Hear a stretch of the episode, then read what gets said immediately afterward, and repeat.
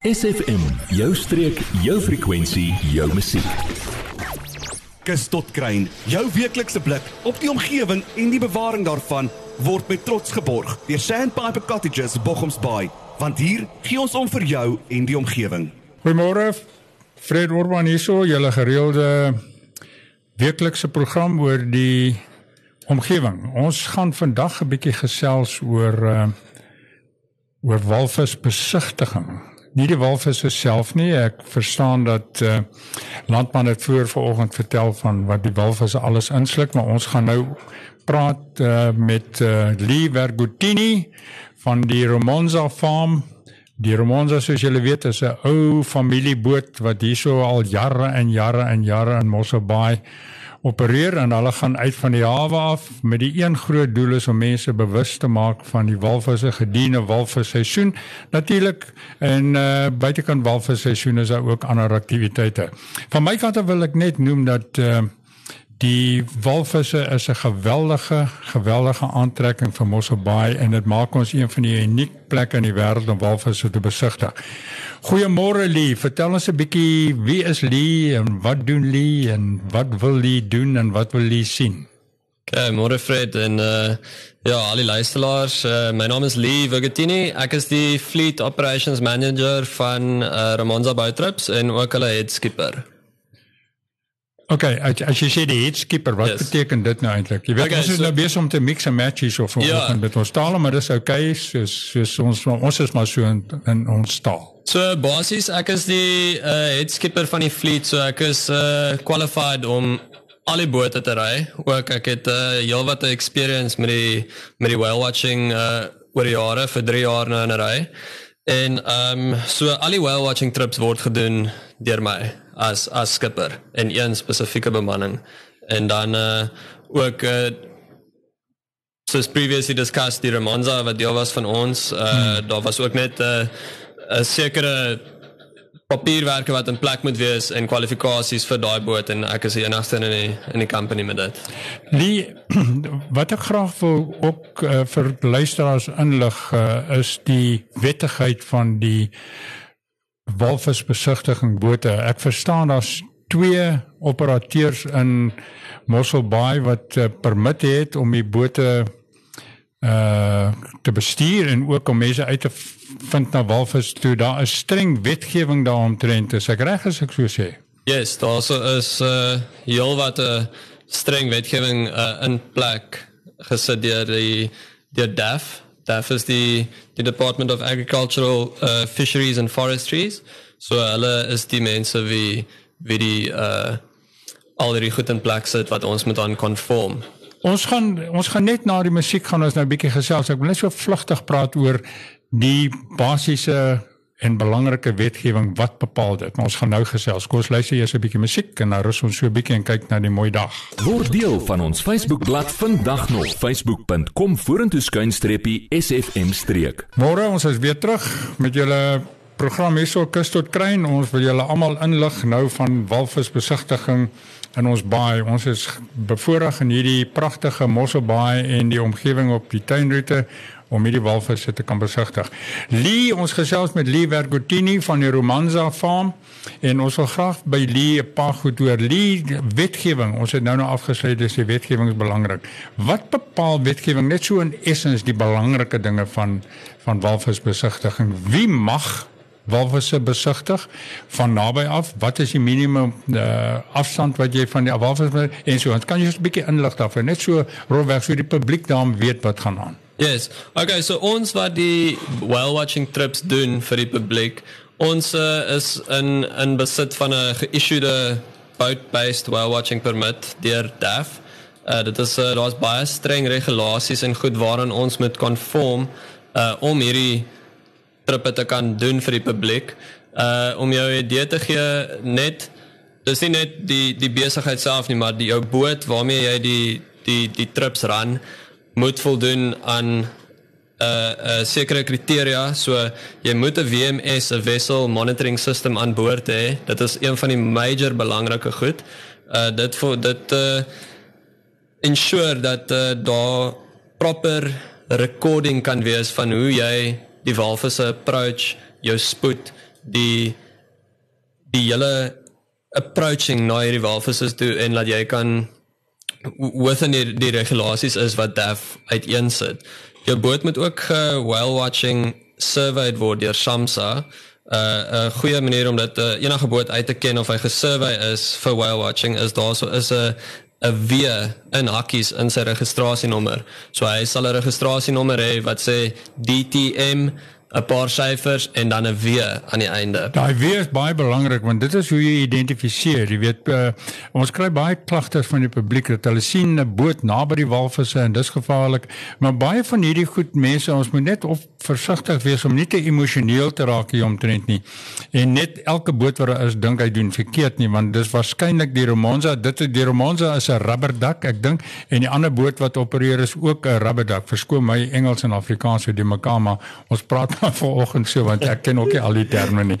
Ehm um, okay, hoe naby mag 'n walvis, ag mag 'n boot aan 'n walvis gaan? Hoe maar naby mag 'n walvis aan 'n boot kom of sal ons dit so stel? So net om jou reg te stel, daar's 'n diere Monza was ons Ferro Cement uh manual gewees, uh die seiljag in Monza. Sy is nou nie meer uh in werking op die oomblik nie. So ons whale watching trips word gedoen met 'n 'n 11 meter rubberdak. Die boot se naam is Kahuna. Hoe groot was hoeveel mense het die Romanza gedra? Die Romanza is 'n uh, 58 voet uh ferro sement seiljag. Ons kon 38 mense, 38 passasiers dra op 'n slag plus 3 bemanning. So nou is julle nou julle ander boot, hoeveel kan hy dra? So ons primary whale watching boot nou is die Big Kahuna. Dit is 'n 11 meter rubberdak. Ons dra 10 mense en 2 bemanning. Dit het 'n groot impak op die aantal mense wat jy kan dra op 'n slag. Met ander woorde, in plaas van om een keer uit te gaan met 30 mense, kan jy moet jy 3 keer uitgaan om 30 mense te laat besigtig. Dit sit 'n bietjie van 'n druk op die industrie ook. Dis seker hoekom daar nog 'n ander operateur ook ingekom het om te help dalk om die druk te verlig. Ja, verseker, ek dink baie mense het tot die geleentheid gespring. Uh kyk hier, die Romanza is bekend om ons baie as 'n ikoniese boot om ons baie al vir 48 jaar. So om te sien dat die Romanza nie ry nie, uh dit skep 'n indruk vir geleentheid. OK, maar baie dankie. Ons gaan nou weer gesels. Uh uh hier is so 'n interessante onderwerp. Ek dink ons kan daar hieroor praat, maar uh ons het nou 'n bietjie musiek om na te luister en dan gaan ons nog een of twee vragies uh by Lee kry en hy gaan ons 'n bietjie meer vertel van walvisbesigtiging. SFM, 'n juweel van die Suid-Kaap. Kaap, Kaap, Kaap. Musiek is lekker, maar partykeer dan meng dit in met ons lekker praatjie wat ons het. Ons het nou nou uh, afgesluit en uh, Lee, ons het nooit die vraag geantwoord. Hoe naby mag jy 'n walvis kom as 'n gelisensieerde boot uh, was walvis kykboot of uh, en wat kan die gewone publiek doen? Wat gebeur en wat is die gedrag van walvis oor die algemeen? Vertel ons 'n bietjie meer van die afstand wat jy kan naby kom as 'n boot en as 'n privaat persoon. Okay, so om jou 'n idee te gee, ons Big Kahuna uh op ons boat-based whale watching permit is permitted om binne 50 meter van 'n walvis te wees vir 20 minute lank. Maar die Southern Right whales is 'n baie skierige walvis. Hulle is known om op te swem uh teen die boot. So baie van ons uh, excursions is van so 'n aard dat ons doen alles in ons vermoë om binne 50 meter van die walvis te bly maar die walvis hou aan na die boot te swem. So dan moet jy jy moet eintlik wegbeweeg streng gesproke. Yes, jy moet wegbeweeg, maar daar's ook baie streng regulasies set in plek dat as hierdie walvis na jou toe swem, hulle swem van die walvis swem tot teen die boot op. Jy kan nie deur daardie reëls en regulasies mag jy nie die die propellers engage op die boot nie. So Jy moet dis hoekom ek sê jy probeer heeltyd die boot in daai 50 meter radius weghou. So in op meeste van die trips is ons ons kom binne daai 50 meter en die walvisse swem actually na ons toe. Ja, maar ek sien julle dikwels in die gedrag van die walvis of hy aggressief kan wees en of hy uh, of hy 'n soort van sy kop gevry wil hê, kom ons stel dit nou maar so. Ja, hulle is baie nuuskierig. Daar's actually 'n uh, 'n gedrag in die in die in die Southern Right Whales wat hulle noem spy hopping. Hulle steek Hulle gaan amper vertikaal in die water en steek hulle hmm. kop amper uit die water uit sodat hulle oë net bo die surface van die water is om te sien wat is nou om hulle. So dit is baie baie interessant. Nou, ek as 'n privaat ou, ek het nou 'n skieboot en ek gaan nou uit en hier kom 'n walvis na my toe en sê die mense, jy weet, hulle kan nie help as die walvis na hulle toe kom nie. Wat wat is hy verplig om te doen as 'n privaat uh, boot eienaar of 'n uh, uh, skipper? kyk, jy gaan moet identifiseer wanneer daai walvis na jou toe kom. So 'n walvis, die publiek is net permitted om in 'n 300 meter radius van 'n walvis te Hy kom. mag nie nader kom. Hy mag nie nader as 300 meter radius om 'n walvis wees nie.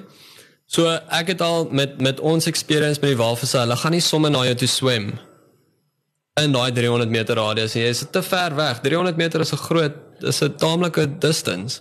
Ja. So hy is bewus dat jy daar is, maar hy gaan nie so nuuskierig wees. Maar as jy naby kom dan wil hy miskien is dit laat hy voel jy dring in in sy private en hier's private space sal ek nou maar sê. Verseker, en hierdie walvisse uh, baie die die die die koeie met die kalfies is baie meer uh hoe kan ek sê hulle swem meer weg van die boot af. So as ons binne 50 meter van hulle kom hmm. van 'n walvis en ons kan sien okay daar's so 'n kalfie en 'n koei, ons is dan ons ons moet wegbeweeg. Maar baie dankie Lee sover. Ons gaan nou uh, nog 'n bietjie na die musiek gaan ons weer gesels uh, en dan gaan ons afsluit uh, die program met Lee se se inset hier. So baie dankie Lee in elk geval. Psst, jy, ja jy. Nou dat ons jou aandag het, vertel jou vriende van SFM en ondersteun plaaslik. SFM maak elke dag 'n goed gevoel dag. SFM. Right, ons is terug, maar ons gaan la die laaste een afsluit en ons gaan soveel Engels probeer inbring as moontlik uh, as dit moontlik is. Ek dink dit is. Lee, tell me, uh, can we talk a little bit about the conservation importance of uh, whale watching by boat? And uh, the the educational value that it has, and where people can report to if they think anything is wrong and how. Yes, of course. So us in the Mossel Bay coastline or alongside the garden route are very privileged to have the whales in their migratory routes end up here for about three months. So we've got a very limited time to gather research about these whales in this area. We've got basically three months. We've got three months and weather permitting, trips permitting. So, you know, it's, we don't get to go out. If we can get to go out every day, we will, but, you know, it has to be weather permitting and on trips. So we are encouraged by DAF to take photographs of these whales as well as complete a logbook of every trip done. How many calves were sighted, how many mothers, the exact GPS positioning, their behavior, and marks on them because every single whale is unique in its own way. They've got different markings on them. Some have got spots, some have a, hmm. a light brown color, others have got white markings. So there's a bigger picture behind just doing the whale watching trips. We actually pride ourselves in having a big databases of photographs that we submit to DAF at Yeah. the end of our whale watching season, as well as very, very accurate, accurately uh, completed logbooks. Uh, do you find that the same whales come to the same place every year? Uh, Yes. Is there a pattern? That's for sure. For sure. Um, I've seen whales here that I've that I've seen come back year after year. Uh, especially there's there's there's a few of them that's got very distinctive white markings on their backs. Most have got white markings on their bellies, but there's a few of them that's got these racing stripes, as I say, on their back. There. Okay. Yeah. So I've I've noted over the last three four years to have seen uh, the same individual uh, whales.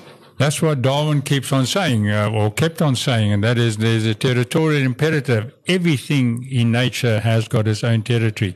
And uh, we must not disturb these whales in such a way that they feel uh, threatened when they come here because then they may move off to other places, but perhaps, or For sure, definitely. And it is, uh, research has shown that the calves are actually taught by their mothers. The migratory routes and places that they end up with is taught by the mothers to the calves.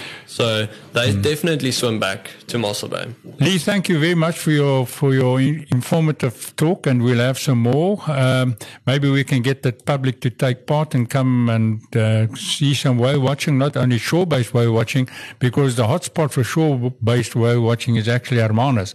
And from here, these whales move down the coast now, as uh, probably around about September, October, and uh, then Hermanus is a hotspot for whale watching, uh, especially shore-based whale watching. Yes, of course. It's based around the Hermanus whale watching season or festival. So And and it's so important for tourism and so important for job creation as well because tourists create jobs, and jobs keep us going. Thank you very much, uh, Lee, for your inputs today, and I'm sure uh, you will inform us from time to time when you get some very inf- uh, important information, interesting information that we can tell our public about uh, what is happening out with our whales and also our dolphins from time to time. Yes, for sure. Uh, thank you very much for the opportunity. Hierdie program was vir jou gebring deur Sandpiper Cottages in Bochoms Bay, weggesteek in 'n ongerepte baai en Bavaria off the beaten track, slegs 30 km vanaf Mossel Bay.